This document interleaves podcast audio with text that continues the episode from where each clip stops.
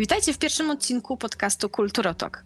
Dzisiaj moim gościem jest dr Karolina Wierel, adiunkt w Zakładzie Studiów nad Kulturą i Mediami Uniwersytetu w Białymstoku, kulturoznawczyni i filolożka. Dzień dobry. Dzień dobry, witam Państwa. Dzień dobry. Jak się Pani e, odnajduje ogólnie w tych trudnych czasach? Tęskni Pani za trybem zajęć e, na właśnie na uczelni, na miejscu? Człowiek się potrafi przyzwyczaić do wielu rzeczy.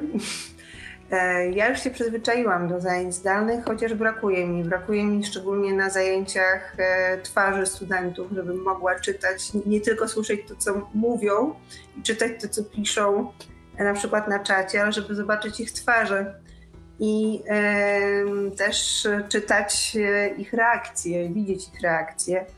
E, więc e, takiego kontaktu ze studentami brakuje bardzo. E, no ale zajęcia zdalne też mają swoje zalety. Między innymi to, że rozwijają nasze kompetencje medialne, szczególnie właśnie u osób, które do tej pory stroniły od technologii. Tutaj muszą się przystosować. No i to jest jeden z takich czynników, który, który wymusiła na nas pandemia właśnie w środowisku naukowym, żebyśmy się przystosowali. E, zawsze się płaci cenę za takie przystosowanie, ale myślę, że chcąc funkcjonować w dzisiejszym świecie, także uniwersyteckim, nie mamy innego wyjścia.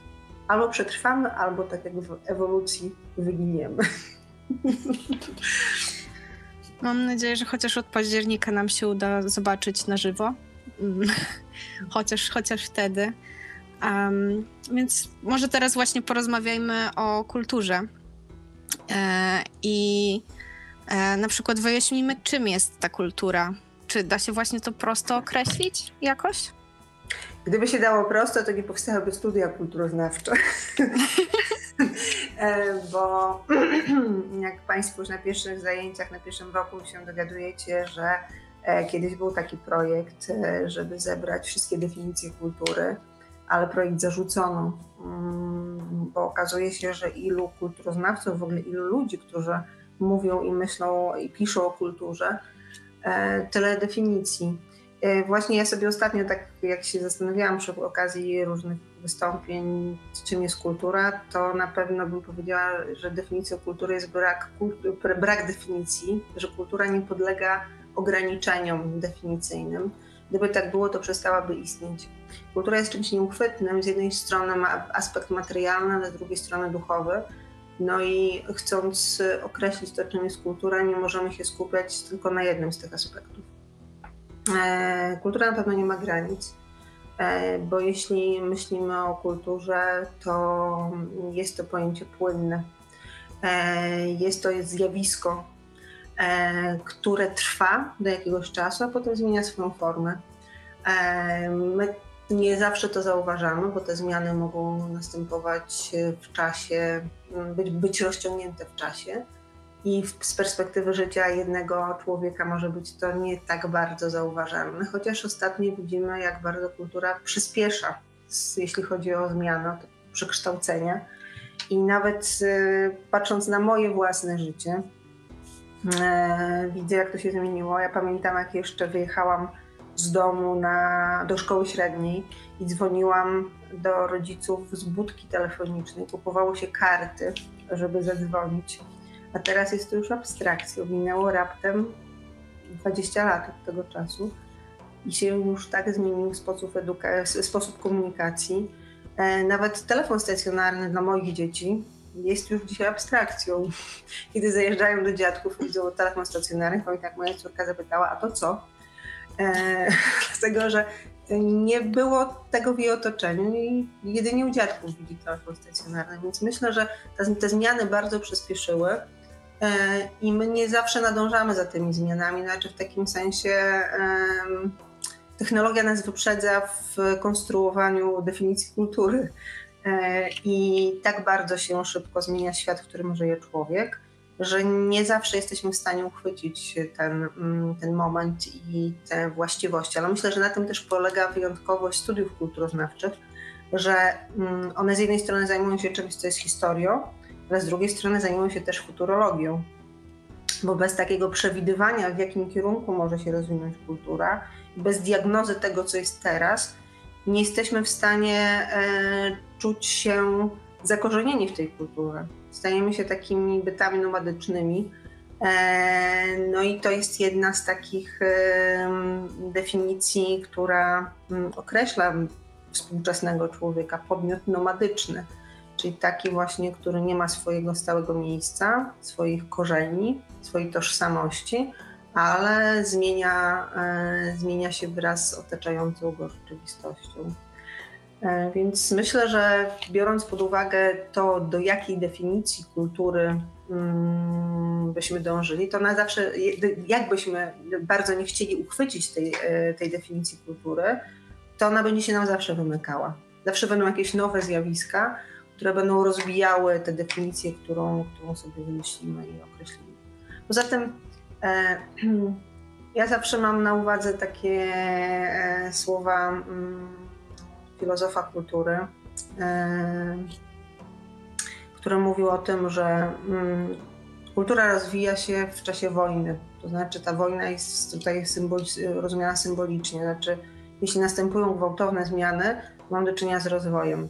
Jeśli mamy do czynienia ze stagnacją, z czasem pokoju, e, to możemy powiedzieć, że tak, wtedy czujemy się bezpiecznie, się rozwijamy, ale też dochodzi do takiego zatrzymania się pewnych tendencji kulturowych, do wyczerpania się ich. I żeby nastąpił rozwój kultury, musi nastąpić kolejna wojna, kolejny przełom. Więc tych przełomów obecnie y, widzimy wiele na różnych polach.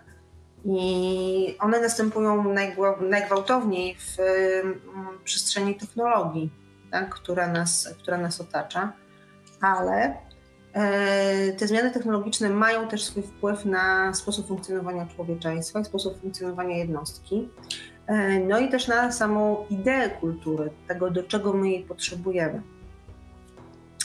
E, jak wiemy, wiecie Państwo też, którzy studiują kulturoznawstwo, ale też inne nauki humanistyczne, ta opozycyjność między kulturą a naturą przez bardzo długi czas była, była takim podstawowym e, sposobem definiowania tego, czym jest kultura, czyli, nie jest naturą. Mhm. Tak? Kultura, która nie jest naturą. I ta e, dychotomia sprawiła, że mm, doszliśmy do takiego momentu, w którym za wszelką cenę staramy się przezwyciężyć naturę.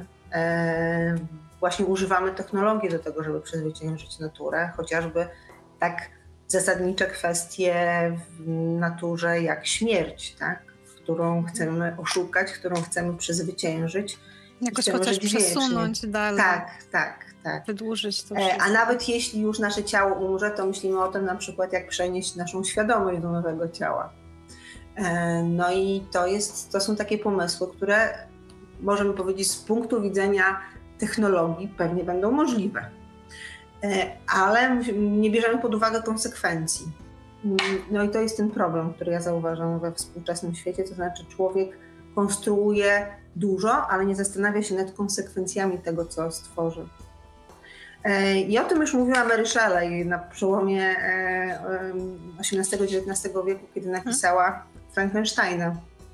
Właśnie motyw Frankensteina jest takim motywem, który nie tylko mówi o tym, że człowiek ma moc twórczą, żeby tworzyć jakieś e, e, twory, które są e, zaprzeczeniem procesu biologicznego, czyli potrafi człowiek ożywiać, ma tą boską moc ożywiania, ale pytanie o konsekwencje. I to jest też pytanie, które Shelley stawiała przed ludźmi już w tamtym czasie, czyli żeby powiedzieć w czasie rewolucji przemysłowej. E, czy wszystko, co tworzymy, czy za wszystko, co tworzymy, człowiek jest w stanie ponieść odpowiedzialność? Nie okazuje tak, się, że, że nie. Tak, ale właśnie bez natury nie byłoby w ogóle też tej kultury, w sensie no, nie istniałoby to. I e, no, ciężko by było cokolwiek wymyślić, e, żeby było coś właśnie takiego tak, nowego. Tylko, tak, tylko że myśmy zmienili swoją świadomość, to znaczy myśmy uznali, że to natura nas potrzebuje, a nie mhm. my natury. I to jest właśnie te zachwianie pewnej równowagi, która, e, która w, na przykład w przypadku kultur tradycyjnych ludzie mieli tego świadomość, że e, są zależni od natury i że co by nie robili, to ona jest siłą e, tworzącą, ale jednocześnie siłą niszczącą. Dlatego też utożsamiano bardzo często siłę natury z siłami boskimi, tak? E, a tutaj mm, doszliśmy do takiego etapu, w którym mamy wrażenie, że technologia może dać nam panowanie nad naturą. A jak wiemy, jest to niemożliwe, co nam udowodniła pandemia, Mhm. e, ale też udowadniają nam tam trzęsienia ziemi. Pomimo tego, że dysponujemy tak e, zaawansowaną technologią, potrafimy przewidzieć trzęsienia ziemi maksymalnie dwa dni przed, ale nie potrafimy ich zatrzymać. E, nie potrafimy, możemy myśleć o zbudowaniu budynków, które będą odporne na trzęsienia ziemi, ale i tak e, może dojść do takiego trzęsienia ziemi, w którym te budynki, e, budynki po prostu przekroczą amplitudę swojej, swojej wytrzymałości i, i runą. Więc pomimo takich em, technologicznych narzędzi do tego, żeby panować nad naturą, ona się cały czas nam wymyka. Nikt się nie spodziewał. Myśmy myśleli, że właśnie e, tak, tak myślę sobie, że człowiek spodziewał się dzisiejszy, że zdobędzie takie narzędzia do panowania nad, e, nad, nad światem, że na przykład skolonizuje nową planetę. E, A tutaj to zagrożenie przyszło, mówię o pandemii, przyszło z takiego mikroświata, świata, który, który myśmy ignorowali, który jest niewidoczny, który jest, może być też w jakiś sposób transcendentny, to znaczy ta, e, te wirusy covidowe stały się takim straszakiem na człowieka, znaczy uświadomiły nam, jako ludziom, że my jesteśmy bardzo słabi, że natura jest sobie z nami bardzo, bardzo łatwo sobie z nami może poradzić. Zresztą istnieje taka teoria, teoria Medei, w której mówi się o tym, że człowiek e, przez naturę, jeśli dalej będziemy postępować tak, jak postępujemy, będzie traktowany jako zagrożenie, jako wirus właśnie, który, który nale, należy zlikwidować, bo jest szkodliwy dla innych organizmów. E, Więc ogólnie jeszcze mm, zajmuje się Pani nową humanistyką, czyli humanistyką ekologiczną. I czy to ma coś wspólnego z dbaniem o środowisko i właśnie naturą? Bo właśnie z tego, co pamiętam i co też Pani mówiła, e, że kultura i natura są opozycją, ale właśnie bez tej natury nie byłoby też tej kultury. I czy to właśnie ma coś wspólnego z tymi ostatnimi zmianami klimatycznymi i działaniami społeczeństwa w tym temacie? Mm, No właśnie nastąpiła zmiana, nastąpił pewien przełom, dlatego mówi się o nowej humanistyce i tutaj humanistyka ekologiczna jest jednym z takich ważnych, mm, może być, pod, poddziałów nowej humanistyki, nowych aspektów nowej humanistyki. Dlaczego nowa? Ponieważ właśnie ona redefiniuje pewne mm, spojrzenia na klasyczne, klasyczne tematy, na przykład takie jak kultura i natura. Ja mówiłam o tej opozycyjności, ona jest klasyczna, czyli antyczna. Nowa humanistyka stara się zerwać z tym myśleniem, pokazując, że nie byłoby kultury, gdyby nie inspiracje z natury, gdyby nie materiały, które czerpiemy z natury. I jakbyśmy się bardzo nie starali, to cały czas jesteśmy na uzależnieni od wody, tak? która jest y, naturalna. Pomimo tego, że staramy się wynaleźć mm, sposoby na mm, e, uzatnianie słonej wody, to one są nieefektywne. E, jesteśmy uzależnieni od natury i to mm, e, następuje taka zmiana świadomości, to znaczy, że natura jest pojęciem szerszym od kultury, nie, opo- nie opozycyjnym, tylko że kultura jest jednym z aspektów natury.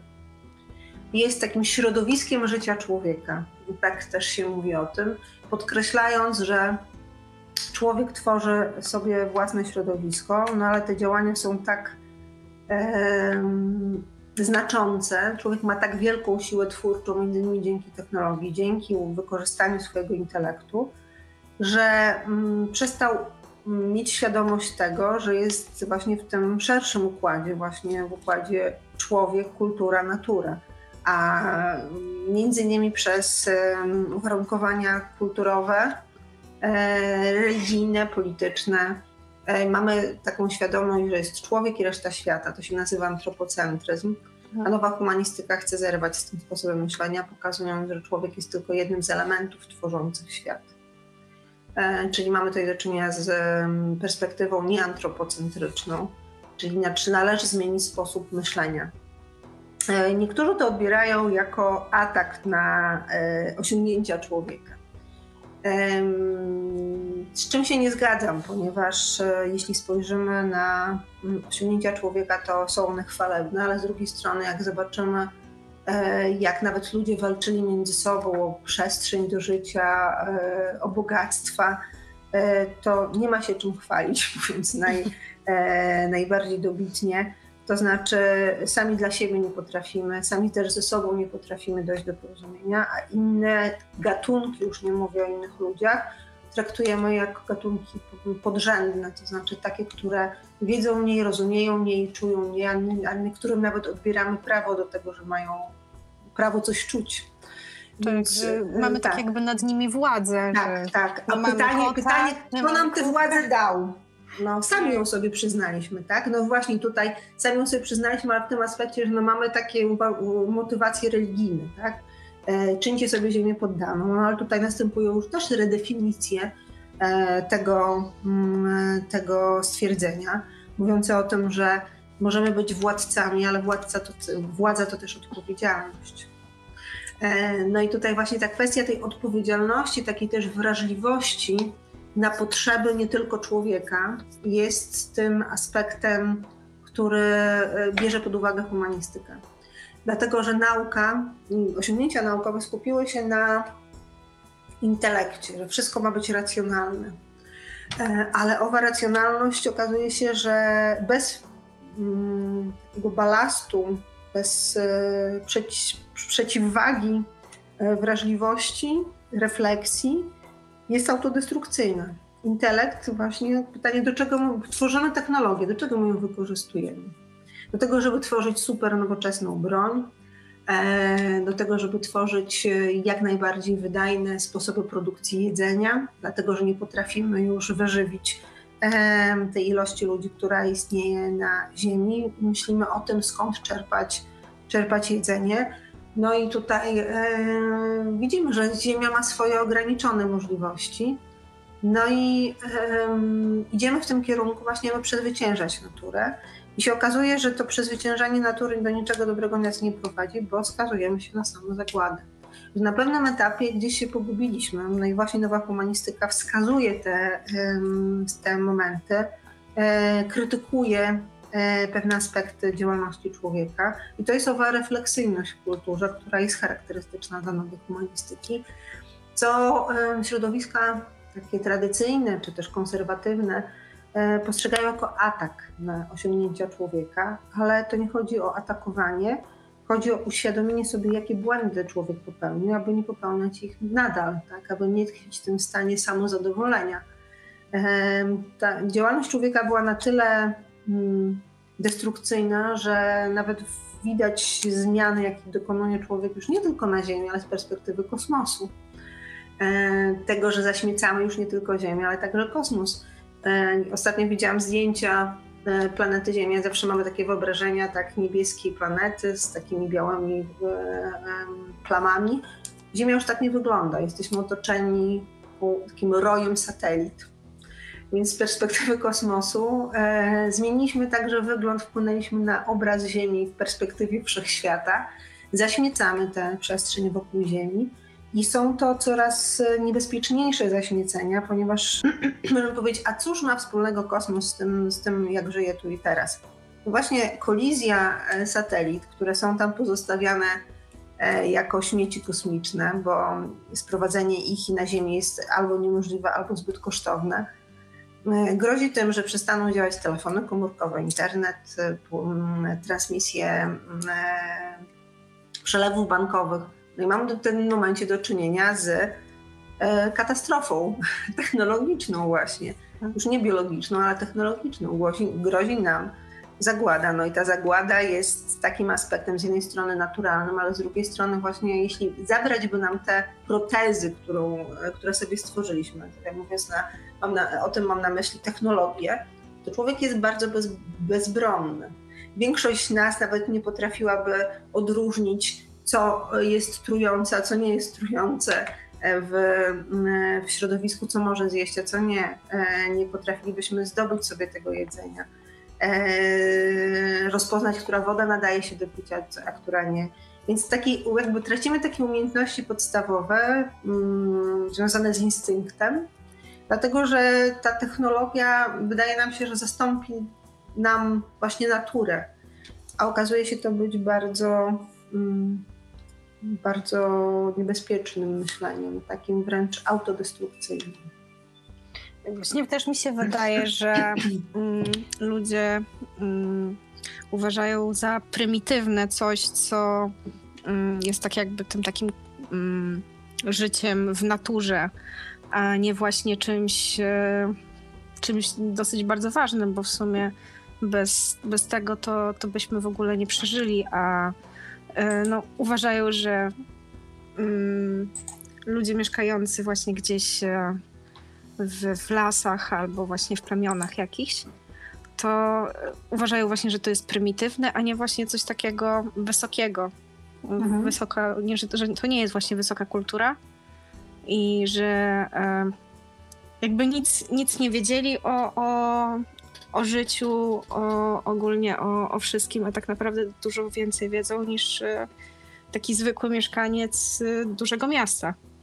Tak, no właśnie nurt humanistycznej ekologicznej w swój obszar badawczy włącza nie tylko nauki humanistyczne, społeczne, nauki przyrodnicze, ale też e, wiedzę tubylczą, czyli wiedzę lokalną, regionalną, tradycyjną, jako bardzo istotny aspekt budowania tej tożsamości kulturowej, e, odnajdywania mądrości, która jest wynikiem e, doświadczenia poprzednich pokoleń. Proszę zwrócić uwagę, że na przykład w medycynie coraz częściej wraca się do takich y, y, tradycyjnych metod leczenia w połączeniu z nową technologią, że mamy lasery, mamy bardzo zaawansowane metody leczenia, ale z drugiej strony okazuje się, że niektóre leki albo niektóre metody lecznicze można też wzbogacić, jeśli sięgniemy do tych tradycyjnych metod leczniczych. I dopiero to myślenie takie właśnie inkluzywne, komplementarne o człowieku, który nie jest uchem, okiem i ręką, nogą, tylko myślenie o człowieku jako całości, na leczenie człowieka e, w sposób całościowy jest, e, jest niesamowicie ważne, czy też wprowadzenie muzykoterapii albo e, hipoterapii do, do procesu uzdrawiania E, jest takim aspektem, który pokazuje, że ten kontakt z naturą jest niesamowicie ważny. Że coraz częściej e, zwraca się uwagę na przykład na psychikę e, chorującego, że z jednej strony możemy leczyć, ale jeśli ktoś nie chce żyć, to nie jesteśmy w stanie go uratować, bo po prostu on się poddaje pod względem, pod względem psychicznym. I to wsparcie zarówno duszy, jak i ciała jest niesamowicie ważne w procesie leczenia. I podobnie też jest z człowiekiem, który funkcjonuje w kulturze że nie, kultura nie jest tylko tym, co duchowe, nie jest tylko tym, co materialne, jest takim aspektem łączącym to, co właśnie materialne i to, co duchowe. E, no i jeśli jakby będziemy zwracali uwagę tylko na jeden z aspektów, to tracimy z pola widzenia ten drugi aspekt. No i w tym mhm. momencie mamy zakłamany obraz tego, czym jest kultura. No więc tak, wiemy, że właśnie natura jest teraz y, zagrożona i głównie przez y, działania człowieka. I to może prowadzić do katastrofy ekologicznej. I jak myśli Pani, czy jest coś, co zmieniłoby spojrzenie ludzkości na świat bardziej tak wrażliwie, czy, czy, czy, czy, czy, tak nie bardzo? Mhm. Bo na przykład y, z tego, co mm, wiem, interesuje się też Pani ogólnie e, literaturą i ogólnie humanistyką taką e, postapokaliptyczną i czy właśnie jest jakiś twórca, e, który dokładnie opisał przyszłość tak najbardziej kropka prawie w kropkę związaną z właśnie z utratą natury? Ja bym nie mówiła tutaj w perspektywie przyszłości. Tylko już nawet teraźniejszości. Nie, to jest tak, to się nazywa jako świat alternatywny. Mhm. Taki będący obok, będący w sferze wyobraźni, jakby e, funkcjonujący w e, wyobrażeniach, e, w obrazach, w tekstach, a nie będący tylko i wyłącznie kwestią przyszłości. E, tak, bo mamy na przykład Nord Fantasy, który nawiązuje do z jednej strony do przeszłości, czerpie też z baśniowości i, i z historii, i z literatury, i z filmu, i tworzy taką kompilację, która nie jest, y, jest jakby wyrwana poza czas, ale nawiązuje bardziej do przeszłości. A jeśli na przykład weźmiemy pod uwagę e, fantastykę naukową, no to właśnie ona pokazuje te perspektywy przyszłości. E, I kultura postapokaliptyczna, bo ja bym o takim aspekcie mówiła, jeśli chodzi o tę wizję świata po końcu, bo to już nie, są, nie jest tylko literatura, to są filmy, seriale, to są gry komputerowe, gry RPG, e, także twórczość artystyczna. E, to jeśli weźmiemy pod uwagę mm, tę twórczość, to ona jest efektem, to jest jeden z efektów um, takiego przeświadczenia o tym, że katastrofa nadciąga.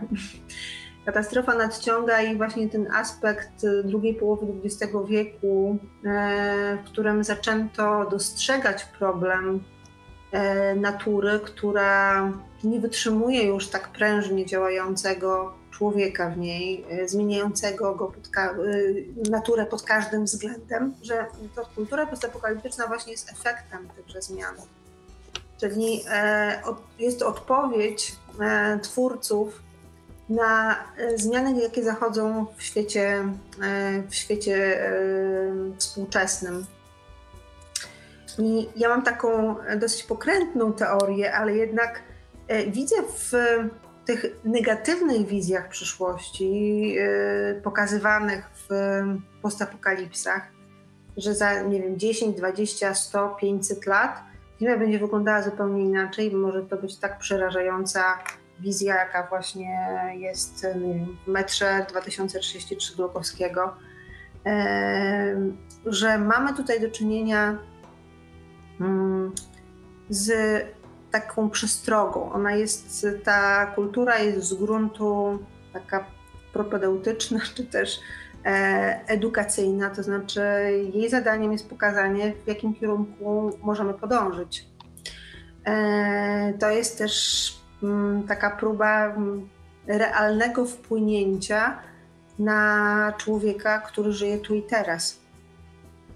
Znaczy, pokazując ten świat spalony mm, słońcem, bez dostatecznej ilości wody pitnej, z różnymi dziwnymi stworzeniami, które zagrażają człowiekowi, my wchodzimy na taki obszar wyobraźni, który wywołuje w nas lęk, ale ten lęk nie jest e, czymś, mm, czymś nieuzasadnionym.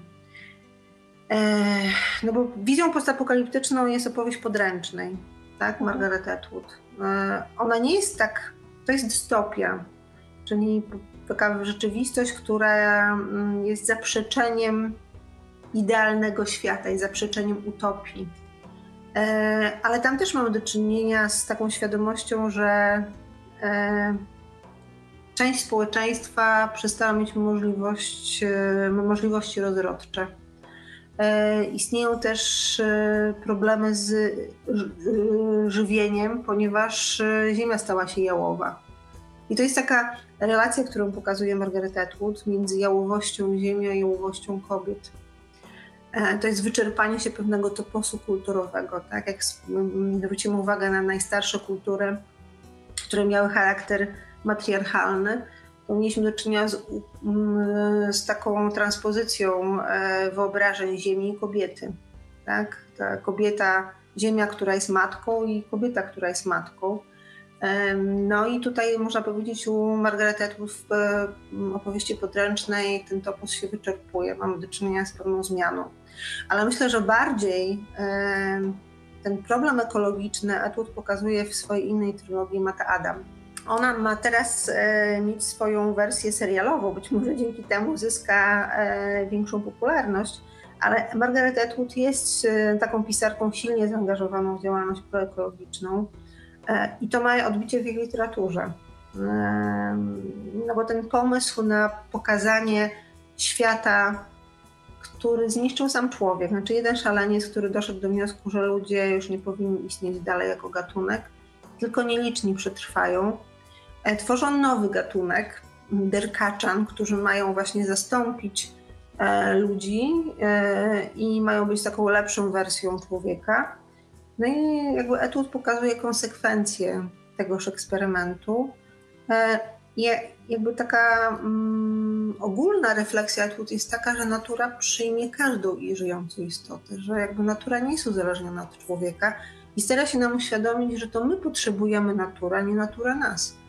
To wydaje się być może tak pewnym, pewnym truizmem, tak? ale to jest właśnie ten, ta zmiana w naszym sposobie myślenia, nie tylko postępowania, bo postępowanie zmieni się, jeśli my zmienimy nasze myślenie.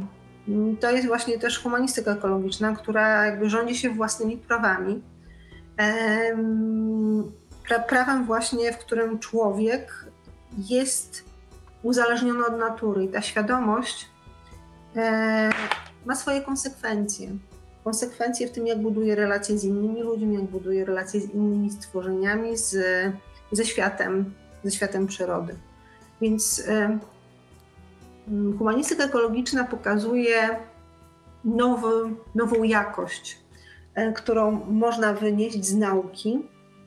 E, nauki, którą będziemy traktować jako sposób pokonywania ograniczeń, ale nie tylko wyłącznie naszych fizycznych, ale także naszych mentalnych ograniczeń co do relacji z innymi E, innymi istotami, innymi e, stworzeniami, że nie będziemy traktować świata przyrody właśnie jako czegoś podległego człowiekowi. No i w, e, w świecie nauki, na przykład Bruno Latour proponuje takie pojęcie naturokultury pisane razem.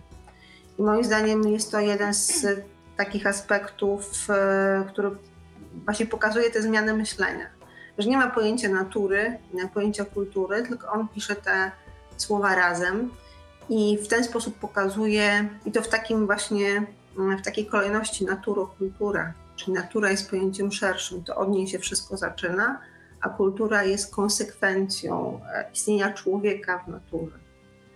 E, no i ten e, Bruno Latour właśnie z jednej strony zajmuje się naukami ścisłymi, życiem laboratoryjnym, napisała taką książkę jak Życie laboratoryjne. A z drugiej strony jego wnioski są bardzo bliskie humanistom, dlatego wielu humanistów czerpie właśnie z tekstów Bruno Latura. Bruno Latour też dosyć kontrowersyjnie powiedział, że nie ma czegoś takiego jak kultura. Więc to jest kontrowersyjne, ale z drugiej strony E, jeśli myślimy o naturze, no to kultura jest jednym ze środowisk życia człowieka, po prostu. No właśnie, tak mi się też właśnie wydaje, że mm, jednak ta natura jest czymś, e, czymś, co tak jakby też i trochę wychowała tą kulturę, mhm. że jest tak jakby takim mm, dzieckiem y, natury, bo w sumie człowiek też wywodzi się z natury i człowiek stwarza kulturę. I, i, I tak jakby to jest tak połączone, ale też trochę nadrzędnie właśnie jest ta, ta natura w tym wszystkim. Mhm. No tak, tylko że mm, jest jeszcze jeden problem, e, że człowiek czuje się sparaliżowany tym problemem katastrofy ekologicznej. E, sparaliżowany w takim sensie, że my wypieramy świadomość nadciągającej katastrofy można powiedzieć, że trzeba się natrudzić, aby zachować przekonanie o własnej niewinności. No i my to robimy, tak? Bo czujemy się bezradni. E, bo z jednej strony uchwalamy dekrety, na przykład spotykamy się w Paryżu i uchwalamy jakieś dekrety, które mają zmniejszyć emisję e, gazów cieplarnianych o 20%. Okazuje się, że one e, wzrastają do 40%. Czyli nie zmniejszamy, a jeszcze więcej emitujemy niż nie założyliśmy. No i czujemy właśnie taki, taką bezradność. I ta bezradność e, sprawia, że właśnie mówiąc o problemie katastrofy ekologicznej, on się już nam usłuchał ten problem. Myślimy, że no, czujemy taką frustrację, no bo nie jesteśmy w stanie nic zrobić, ignorujemy go, też czujemy się winni i wypieramy to poczucie winy. E, I taka kanadyjska Mm, dziennikarka Mary, e, Kate Mary Norgard przeprowadziła badania mm, w Ameryce i w Norwegii, czyli w państwach wysoko rozwiniętych pod względem cywilizacyjnym, ale też edukacyjnym, e, na temat właśnie problemów globalnego ocieplenia. No I okazało się, że e, i Amerykanie, i Norwegowie wypierają ten problem. To znaczy są świadomi tego, że on istnieje, że mamy z tym problem, ale odkładają go na później. To znaczy żyją w dniem dzisiejszym, mówiąc, że e, żyjemy, natura sobie jakoś radzi z tym, co robi człowiek. I jakoś to będzie, tak? To jest takie przekładanie tej katastrofy w czasie. No, w pewnym momencie może się okazać, że już dalej nie da się jej przełożyć, że zabraknie nam e, wody, no i konsekwencją tego, co będzie, no wojna o przestrzeń do życia i o dostęp do wody. I mamy z tym do czynienia, jeśli weźmiemy pod uwagę współczesną falę migracji z terenów Afryki Bliskiego Wschodu. To jest problem także związany z katastrofą ekologiczną, o czym się mniej mówi. Mówi się o konfliktach zbrojnych, tak? To jest jeden z aspektów. Ale takim, e, myślę, że ważniejszym aspektem jest zwrócenie uwagi, że ta fala migracji z tamtych terenów jest spowodowana także tym, że występują tam susze, E, co jest związane z, jest konsekwencją także gospodarowania e, wodą i e, stosowaniem środków ochrony roślin. Przez to ziemia staje się jałowa, nie zatrzymuje wody. No i mm, mamy do czynienia z brakiem, z brakiem jedzenia i z brakiem wody. I ludzie uciekają z tamtych terenów, starają się znaleźć nowe tereny do życia. No i to jest taka perspektywa, która jest rozciągnięta w czasie która też nie jest nazywana po imieniu. To jest takie też tabu kulturowe Europy i w ogóle Zachodu, że my, to, że my żyjemy w raju z perspektywy tych innych rejonów świata, jest wypracowane, jest też osiągnięte dzięki tym innym rejonom świata. My często o tym zapominamy w ogóle nie chcemy pamiętać o tym, ile zawdzięczamy reszcie świata jako Europejczycy i jako kultura określana mianem Zachodu. E, I to jest właśnie też ten problem, który stara się zmienić nowa humanistyka, pokazując, że my nie żyjemy w próżni albo nie żyjemy na jakiejś innej wyspie. E, albo nie tylko my jesteśmy cywilizacją, a reszta to są takie podrzędne kultury, że my właśnie jako Europejczycy, ale też jako ludzie Zachodu, tutaj mam na myśli tę kulturę e, amerykańską i europejską, jesteśmy z jednej strony dziedzicami tego, co się, e, co osiągnęły inne kultury, a z drugiej strony nie osiągnęlibyśmy tego, co, co mamy, bez, bez tych właśnie innych kultur, kultur tradycyjnych bardzo często, które, które są, były i są wykorzystywane do tego, żebyśmy żyli w dobrobycie. To jest takie tabu kulturowe. Ja to w ten sposób nazywam, czyli nie chcemy o tym mówić, nie chcemy mieć tego świadomości, ponieważ to nam burzy wyobrażenie świata, idealnego świata, w którym żyjemy. Tak, bo w sumie takie mm, same, nawet, e, nie wiem, przy, przywiezienie przypraw, czy też ogólnie e, różnych, e, różnych roślin, hmm. to traktuje się teraz głównie nie jako właśnie takie to dziedzictwo kulturowe, ale mm, jako atrakcję turystyczną w tych, mhm. e, w tych, tych miejscach. Że to nie jest e, coś, co jest ich e, i w sumie dzięki nim mamy jakieś właśnie różne, różne, różne dobra, to mm, my to traktujemy jako, no, Zazwyczaj turyści traktują to jako atrak atrakcję jakąś. No tak, ja zawsze podaję przykład y, kuchni polskiej. Tak, mamy śledzia po żydowsku, rybę po grecku, pierogi ruskie, tak?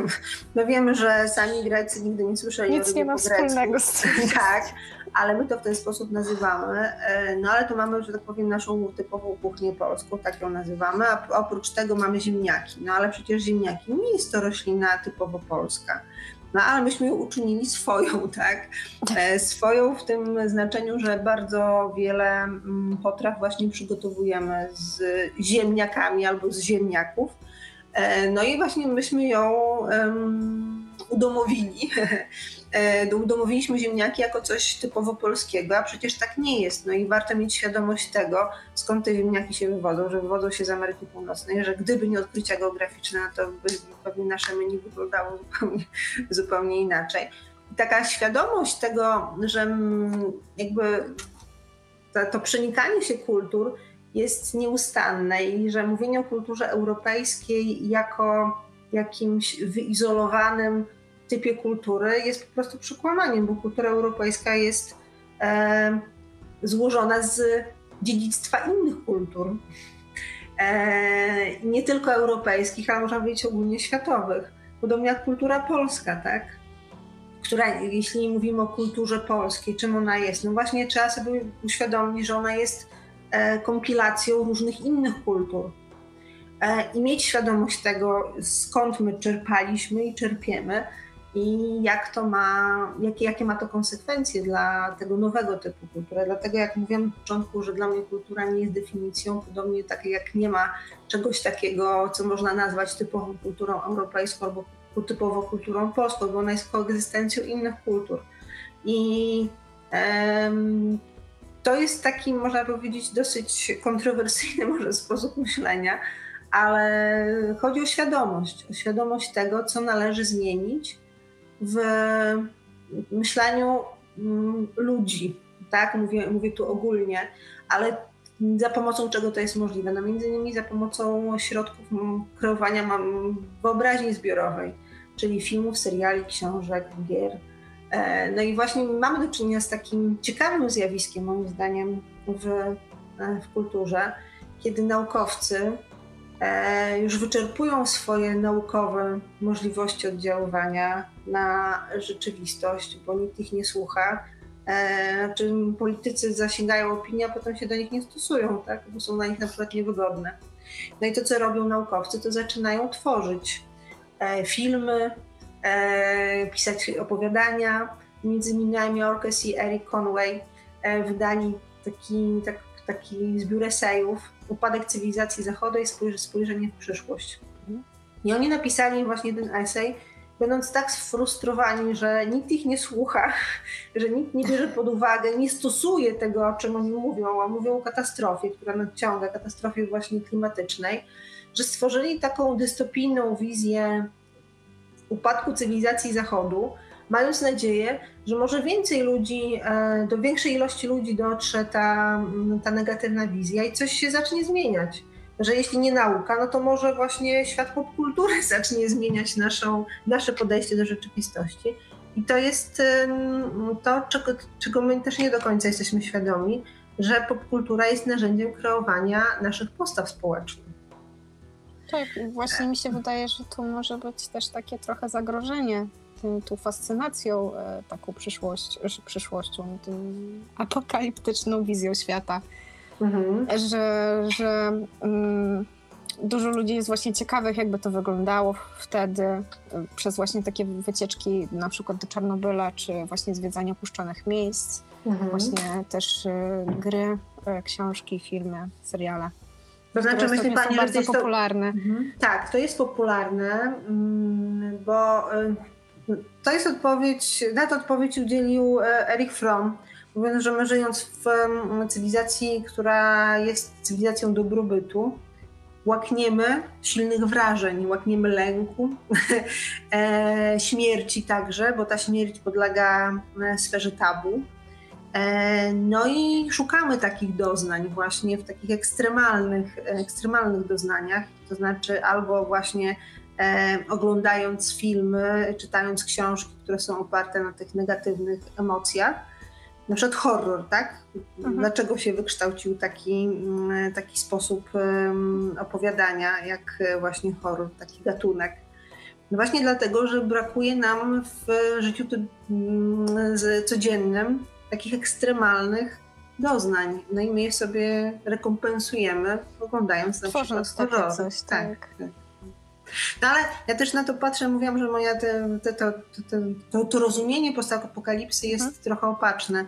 Ponieważ ja widzę właśnie, że postapokalipsa ukazuje e, taką nadzwyczajną siłę przyrody. a, po, a z drugiej strony obnaża przemijalność kultury antropocentrycznej. To znaczy, natura sobie poradzi. Proszę zwrócić uwagę, że nawet po wojnie atomowej tworzy jakieś nowe formy życia. E, odradza się, czego przykładem jest chociażby zona wokół Czarnobyla, tak?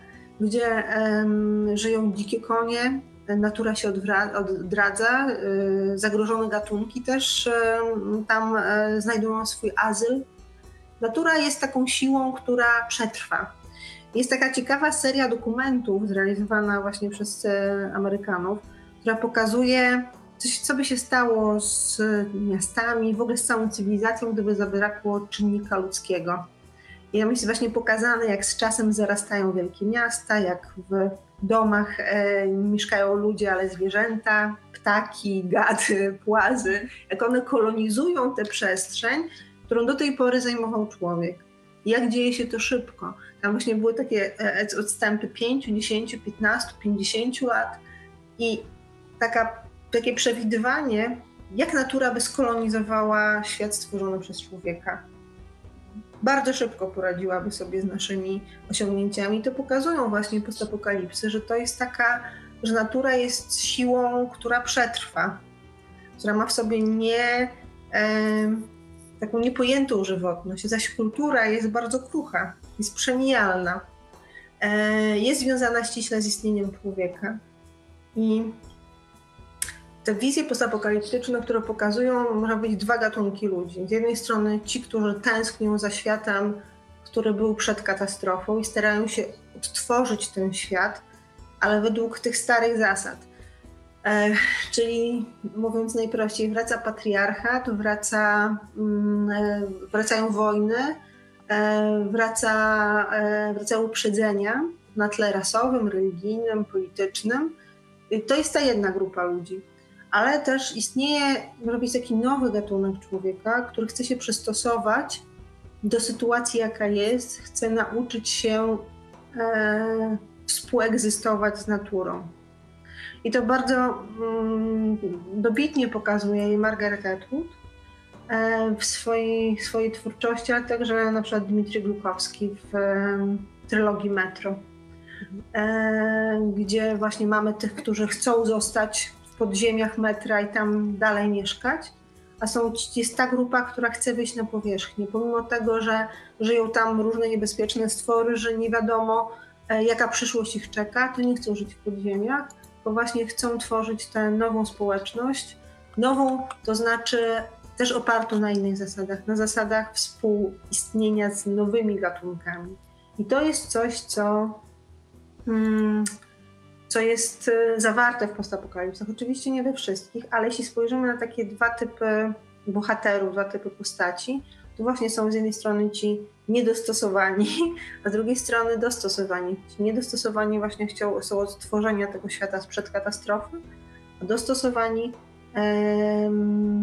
myślą w kategoriach współegzystencji z naturą, czyli są, można powiedzieć, tymi słowami Henryka Skolimowskiego, ludźmi ekologicznymi reprezentują właśnie ten typ człowieka ekologicznego, czyli człowieka, który nie myśli tylko antropocentrycznie, nie myśli tylko o tym, co jest dobre dla niego, ale widzi siebie w szerszej perspektywie, w perspektywie koegzystencji z resztą świata.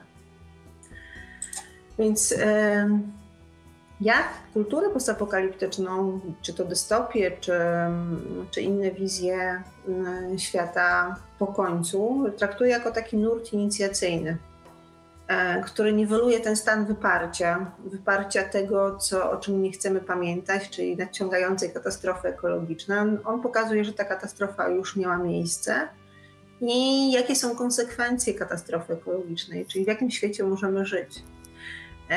Celem jest też uwrażliwienie człowieka na inne formy życia i nauczenie ludzi szacunku wobec tej bioróżnorodności. Czyli następuje zmiana hierarchii ontologicznej. E, człowiek już nie jest na szczycie, bo są inne istoty, które lepiej sobie radzą w tej, mm, w tej rzeczywistości. E, jest to, mm, kultura postapokaliptyczna jest też reakcją na technofobię, e, czyli taki lęk przed technologią, widzimy świat, w którym cywilizacja jest bardzo ograniczona, następuje jej degradacja, czyli ta cywilizacja naukowo-techniczna przestaje funkcjonować, przestają działać te protezy technologiczne, a musimy sobie zacząć radzić właśnie w świecie natury. Musimy się nauczyć, jak żyć. No i takie cyberpunkowe wizje, wizje świata, e, które pokazują, jak wykorzystuje się to, co zostało do tworzenia nowych form e, pojazdów, broni, są też e, przykładem takiej niezwykłej kreatywności człowieka, ale z drugiej strony właśnie dlaczego ludzie, jeśli mają możliwość tworzenia czegoś nowego, to tworzą pojazdy i broń? Jakby tworzą znowu narzędzia kolonizacji i, i siania śmierci. E, I to jest takie pytanie, które jest bardzo, e, bardzo interesujące. Czy mamy wedle, tak jak mówił Frontem, gen samozniszczenia, autodestrukcji w sobie, że nie potrafimy tworzyć czegoś, co będzie zaprzeczeniem, e, zaprzeczeniem śmierci i, i, i degradacji. Nie wiem, zastanawiam się, czy, czy potrafimy inaczej. Ale na pewno wizje odradzającej się natury mają być utrwalone w, tym zbiorowej, w tej zbiorowej świadomości.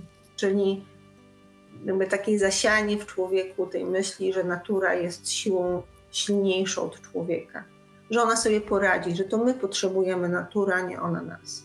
Wydaje mi się, że mm, mało ludzi myśli o, o tych pozytywnych, tych odradzaniu się tej, tej, tej natury, że większość właśnie mm, widzi e, te tragiczne końce, jak na przykład w mhm. seriach e, Black Mirror albo właśnie e, Love, Dead Robots, mhm. które właśnie są na Netflixie dostępne, że pokazują, że niby wszystko jest świetnie z tą, z tą przyszłością, tym uprzemysłowioną tą kulturą, ale zawsze jest ten tragiczny koniec. I że, no nie wiem, na przykład, nie wiem, czy jeszcze ile osób już obejrzało ten nowy e, sezon właśnie Love, Death Robots. Mhm. E, taki trochę mini spoiler jest taki, że um, ludzie, e, aby przetrwać, aby żyć dłużej, odciągnąć tą datę swojej śmierci, żeby przeżyć 200-300 lat, um, zrezygnowali z rozmnażania się. Co jest dosyć właśnie takim też dosyć dziwnym. Um, I są tam też ludzie, którzy potajemnie e, mają dzieci i są prześladowani. I to też takie dosyć ciekawe mi się wydaje, że mm, e, no, koniec tego wszystkiego jest taki mm, taki dziwny. W sensie coś, o czym byśmy normalnie nie pomyśleli teraz. Nie myślimy o tym, co, co, co będzie przy robieniu E, przy tworzeniu tej kultury uprzemysłowionej. Mm, tylko myślimy o tym, że o, będzie, będzie fajnie, ułatwimy sobie życie. A nie myślimy, co, jak może się to dalej potoczyć. Mhm.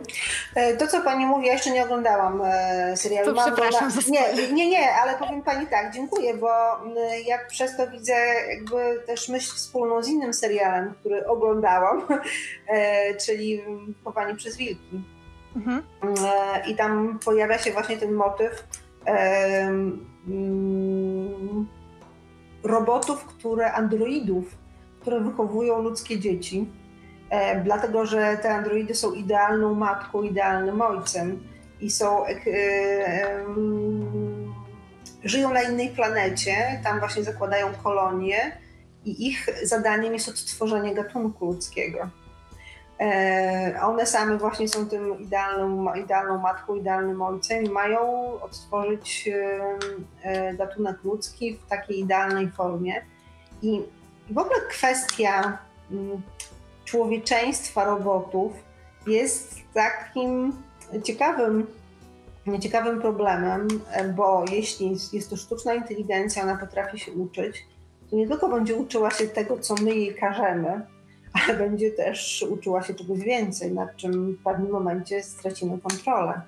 I to już jest taki aspekt, który jest bardzo niebezpieczny, a jednocześnie musimy mieć świadomość tego, że tworząc sztuczną inteligencję, na pewnym momencie się uniezależni.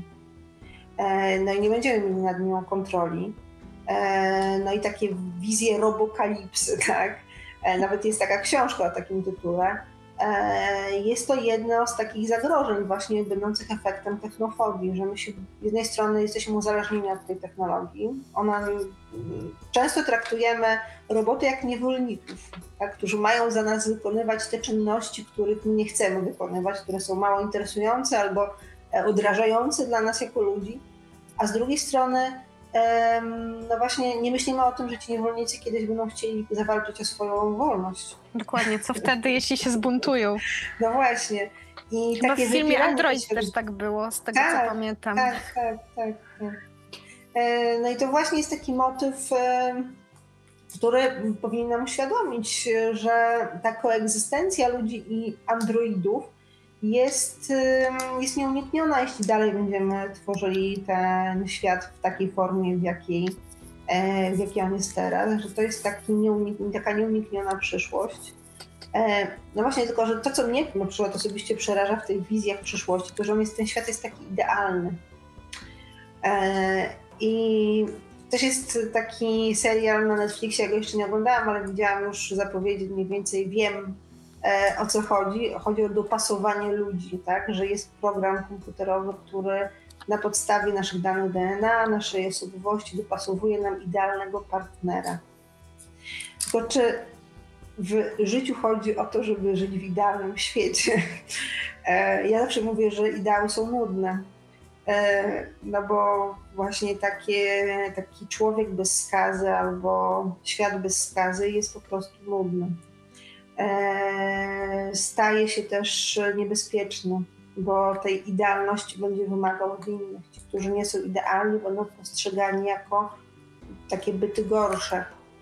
No a człowiek jednak nie jest w swojej istocie idealny. No jeśli stworzymy idealny obraz matki, ojca i też yy, istoty, które mają być idealne, to one mają prawo wymagać tego, żeby także ludzie tacy byli. Więc e, myślę, że ta idealność jest też takim problemem w ogóle człowieka, który nie chce przyznać bardzo często, że nie jest idealny i nie chce uczynić z tego wartości. A, i, i staramy się przecież korygować nasze niedoskonałości. Poprawiamy sobie nasze ciała, tak? Nawet wpływamy na nasz sposób myślenia przez różne środki E, wspomagające nasz umysł. Staramy się motywować nas do jak najlepszego zapamiętywania się, uczenia się.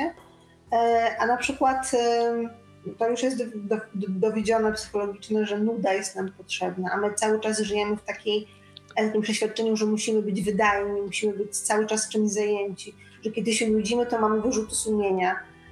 A nuda jest nam potrzebna do tego, żeby wymyślać nowe rzeczy. Stajemy się bezprodukcyjni wtedy, kiedy się nie nudzimy. E, no i właśnie dzieci, które się nie nudzą, mają większe skłonności do popadania w depresję, ponieważ one właśnie nie mają czasu, żeby dokonać refleksji. Żeby dokonać refleksji, do tego potrzebny jest czas. A jednym z takich aspektów refleksji jest nudzenie się. E, więc tutaj to, to, to społeczeństwo kapitalistyczne właśnie wykształciło w nas taki obraz człowieka, który musi być cały czas wydajny jak robot tak? My nie mamy prawa chorować, nie mamy prawa być wyczerpani, e, nie mamy prawa do tego, żeby nie wiedzieć. E, i, I tutaj ten, taka, taka presja bycia właśnie idealnym, myślę, że mm, konsekwencją e, tego jest stworzenie wizji androidów, które są taką, taką idealną wersją człowieka. Tak jeszcze nawiążę, bo mm, Jaki jest tytuł tego serialu? Co, co, co, co pani mówiła? Wychowanie teraz? przez wilki. A, Wychowanie przez wilki. To Rise by the Wolf, ten... tak. tak. Mhm. To w ogóle jest ciekawa e, wizja świata e, Ziemi, której e, e walczą fanatycy religijni e, mhm. z właśnie e, taką grupą ludzi, która chce ocalić androidy. Mhm. No i tworzy, ci fanatycy religijni stworzyli taką super broń. Kobietę, która zabija swoim dźwiękiem. e, i ona właśnie unosi się nad tą ziemią, sieje zniszczenie, to jest broń neutronowa, czyli broń, która e, działa za pomocą dźwięku na atomy i te atomy się rozbijają. No i przerażająca wizja, ale z drugiej strony właśnie ta wizja konfliktu między fanatykami religijnymi, można powiedzieć takimi ludźmi, którzy są przeciwni fanatyzmowi religijnemu. E, no i to jest przyczyną konfliktu, e, konfliktu na Ziemi. Mi się wydaje, że to nawet bardzo aktualne jest tak. Mimo, mimo nawet, że nie ma tych androidów, to, to są inne nawiązania do tego wszystkiego. Oczywiście, teraz. bo my za pomocą tej relacji z androidami możemy wytłumaczyć bardzo wiele zjawisk społecznych, to znaczy możemy, można powiedzieć, je złagodzić, e, dokonać takiego aktu iluzji, a jednocześnie e, my jesteśmy tak na tyle inteligentni, na tyle potrafimy tworzyć te relacje. No tak też działa e, sztuka, tak, że niekoniecznie pokazuje nam na zasadzie mimezis, ale właśnie tworząc te wizje fantastyczne, one nie są w zupełności oderwane od e, problemów tego świata. To nie jest tak, że człowiek jest w stanie wymyślić coś, co nie jest związane z rzeczywistością na jakimś etapie, na jakiś sposób to zawsze będzie związane z rzeczywistością. Bo po to też istnieje sztuka, żeby pomagać nam interpretować pewne zjawiska, e, zjawiska kulturowe, ale też e, na, nasze życie, dawać nam narzędzie do takiej interpretacji. Tak myślę, że po to istnieje też sztuka. Żeby nas uwrażliwiać, żeby dawać nam taką przestrzeń bardzo intymnych doświadczeń, tak, którymi, które są tylko nasze. Z drugiej strony my dzięki obcowaniu z ze sztuką uzyskujemy takie narzędzia interpretacji rzeczywistości. To może takie podsumowując jeszcze dodatkowe pytanie, czy, czy pani się boi takiej właśnie wizji tej apokalipsy? Że, że, że to um, nie będzie za kilkaset lat, jak to um, mhm. może właśnie no, grozi na przykład w Polsce no, i ogólnie krajom e, tutaj na, na północy grozi zalanie? Mm, tak na, naukowo, e, naukowo myślę, że e, apokalipsa nie będzie tak radykalna jak w wizjach świata, to znaczy wojna atomowa albo jakiś mhm. taki gwałtowny przewrót, że ta apokalipsa dzieje się tu i teraz. To znaczy jestem raczej e, zwolenniczką myślenia o tym, że E, mamy do czynienia z wieloma końcami, wieloma początkami. Że jedne są bardziej radykalne, drugie mniej, jedne my dostrzegamy, drugich nie. E, I że to jest taka siła napędowa istnienia świata. Czyli ten pesymizm e, i optymizm równoważą się. Jeśli się równoważą, to dobrze. Gorzej jest, jeśli właśnie tych wizji pesymistycznych jest więcej niż tych optymistycznych. No może też dlatego, że Jestem z natury pesymistką, stąd też tematem mojej pracy magisterskiej był katastrofizm, teraz postapokalipsa. Ten negatywizm gdzieś jest, ale chyba gdy w życiu człowieka przychodzi taki, taka potrzeba przeciwwagi, tak, żeby, żeby szukać jakichś pozytywnych stron, stron istnienia. I myślę, że znalazłam taki właśnie balast, który by przeciw, był przeciwwagą dla tych negatywnych wizji, to jest ekologia. Radykalna wizja ekologii mówi, że no, my zakładamy, że człowiek jest Ziemi potrzebny, ale przecież wcale tak nie jest. E, a ja myślę, że jeśli istniejemy jako gatunek, to mamy swoje miejsce E, w świecie natury, tylko musimy przestać ją traktować jako niewolnika, który ma nam dostarczać pewnych dóbr, a powinniśmy właśnie zacząć ją traktować jako matkę. I też mieć takie relacje właśnie jako my jako dzieci, a ona jako matka. Może to bardzo infantylne, ale to też pokazuje, że dzieci no, z, z racji E, miłości, którą darzą swoją matkę, szanują też ją i bardzo bym chciała, żebyśmy się tego nauczyli na nowo. Jak szanować e, naturę e, w jej aspekcie, to znaczy nie myślę o tym, żebyśmy się zatrzymali i wrócili do epoki kamienia upanego, tak, bo to nie o to chodzi. Chodzi o to, żebyśmy zaczęli tworzyć z myślą o dobru nie tylko człowieka. doceniać to, co tak, dała nam e, natura. na przykład jeśli już mamy pralki do prania, to twórzmy takie środki piorące, które nie będą e, tak bardzo ingerowały w e, zasoby wody i w środowisko naturalne. Jeśli już tworzymy modę, e, to twórzmy ją tak, żeby nie była tak szkodliwa dla środowiska, w którym funkcjonujemy. Żeby nie, żebyśmy nie myśleli o, tylko o zysku, tak? tylko żebyśmy myśleli także o tym, jak to tworzenie nowych ubrań wpływa na środowisko, w którym wytwarza się te ubrania. Żebyśmy nie, nie traktowali krajów, w których się produkuje ubrania, jako takiego wielkiego ścieku, do którego może wszystko spłynąć, bo my żyjemy w tym świecie, w których tych ścieków nie ma. To jest błędne myślenie, bo te ścieki i tak w jakiś czas do nas wrócą. Czy to w postaci deszczu, czy wody, czy powietrza. To jest takie właśnie wyparcie, tak? I to myślenie ekologiczne jest dla mnie taką przeciwwagą dla negatywnej wizji świata.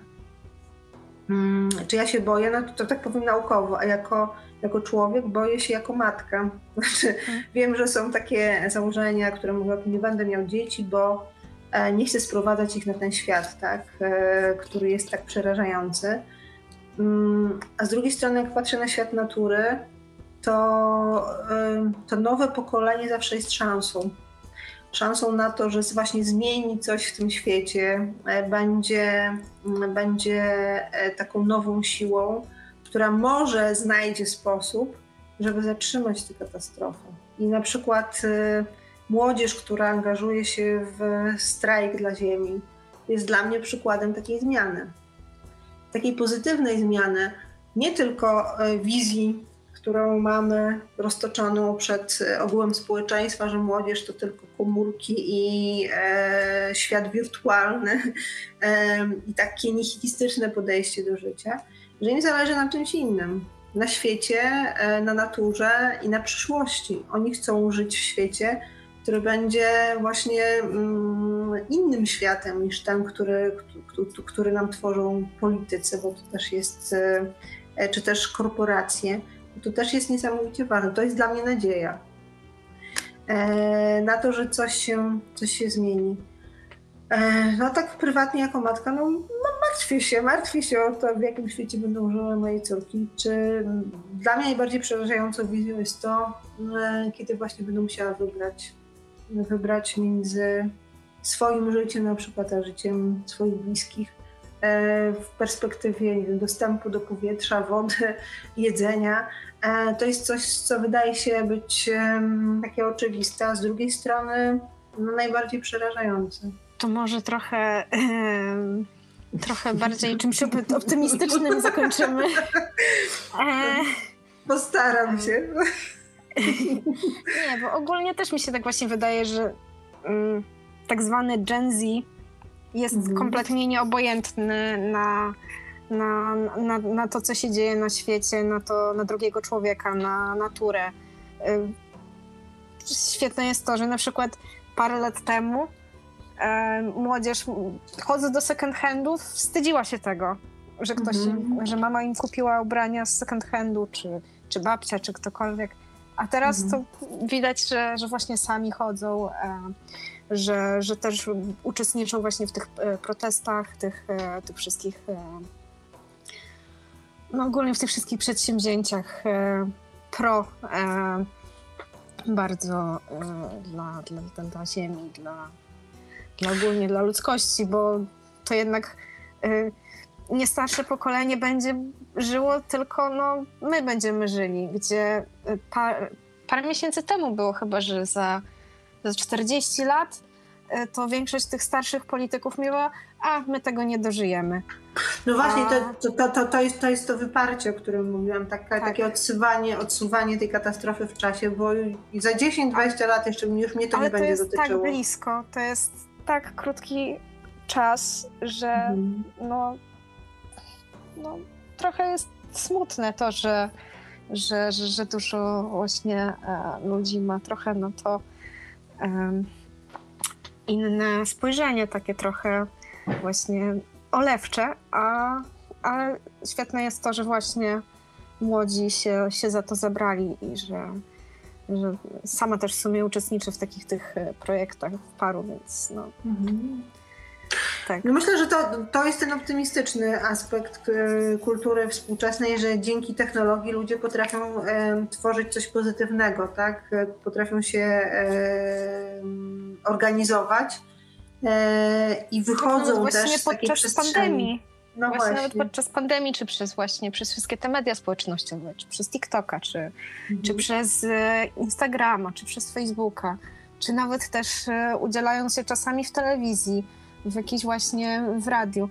No, świetne jest to, że e, pokazują też swoje jakieś patenty na, na, na no właśnie na utrzymanie tej ekologicznej tego ekologicznego stylu życia i pokazują właśnie, jak, jak e, się zachować w danych sytuacjach, a, a nie właśnie, nie, nie, nie traktują tego jako coś drugorzędnego. Yy, tak, a poza tym tak sobie myślę, że ci młodzi ludzie, yy, którzy uczestniczą w tych działaniach proekologicznych, mają też nie, niezwykłą siłę oddziaływania. Nie tylko na może być własne środowisko, ale oni dają przykład i starszemu, i młodszemu pokoleniu. Znaczy pokazują politykom, że e, to, co robią politycy, nie jest e, zgodne z ich oczekiwaniami. A dla młodszego pokolenia, dla pokolenia przedszkolaków, e, czy też młodszej, młodszych uczniów szkół podstawowych, stały się oni takim przykładem tego, o co warto walczyć, co jest ważne. E, I myślę, że to jest ten taki pozytywny aspekt, z którego ja jestem bardzo zadowolona, bo widzę mm, też, jak rozmawiam ze swoimi córkami, że one są zafascynowane tym właśnie, co, co, co robi to pokolenie, jakby nie powiedziała Z, tak? E, Z Generation.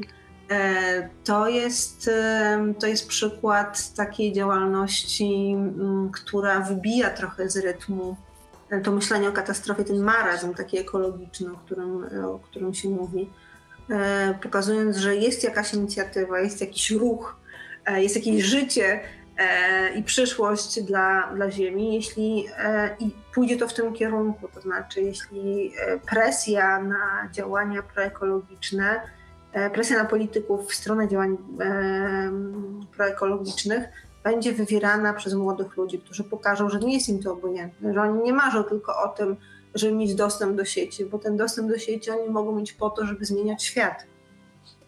Tak? E, I to jest ten pozytywny aspekt współczesnego świata, właśnie, że technologia jest używana do tego, żeby pozytywnie oddziaływać na rzeczywistość.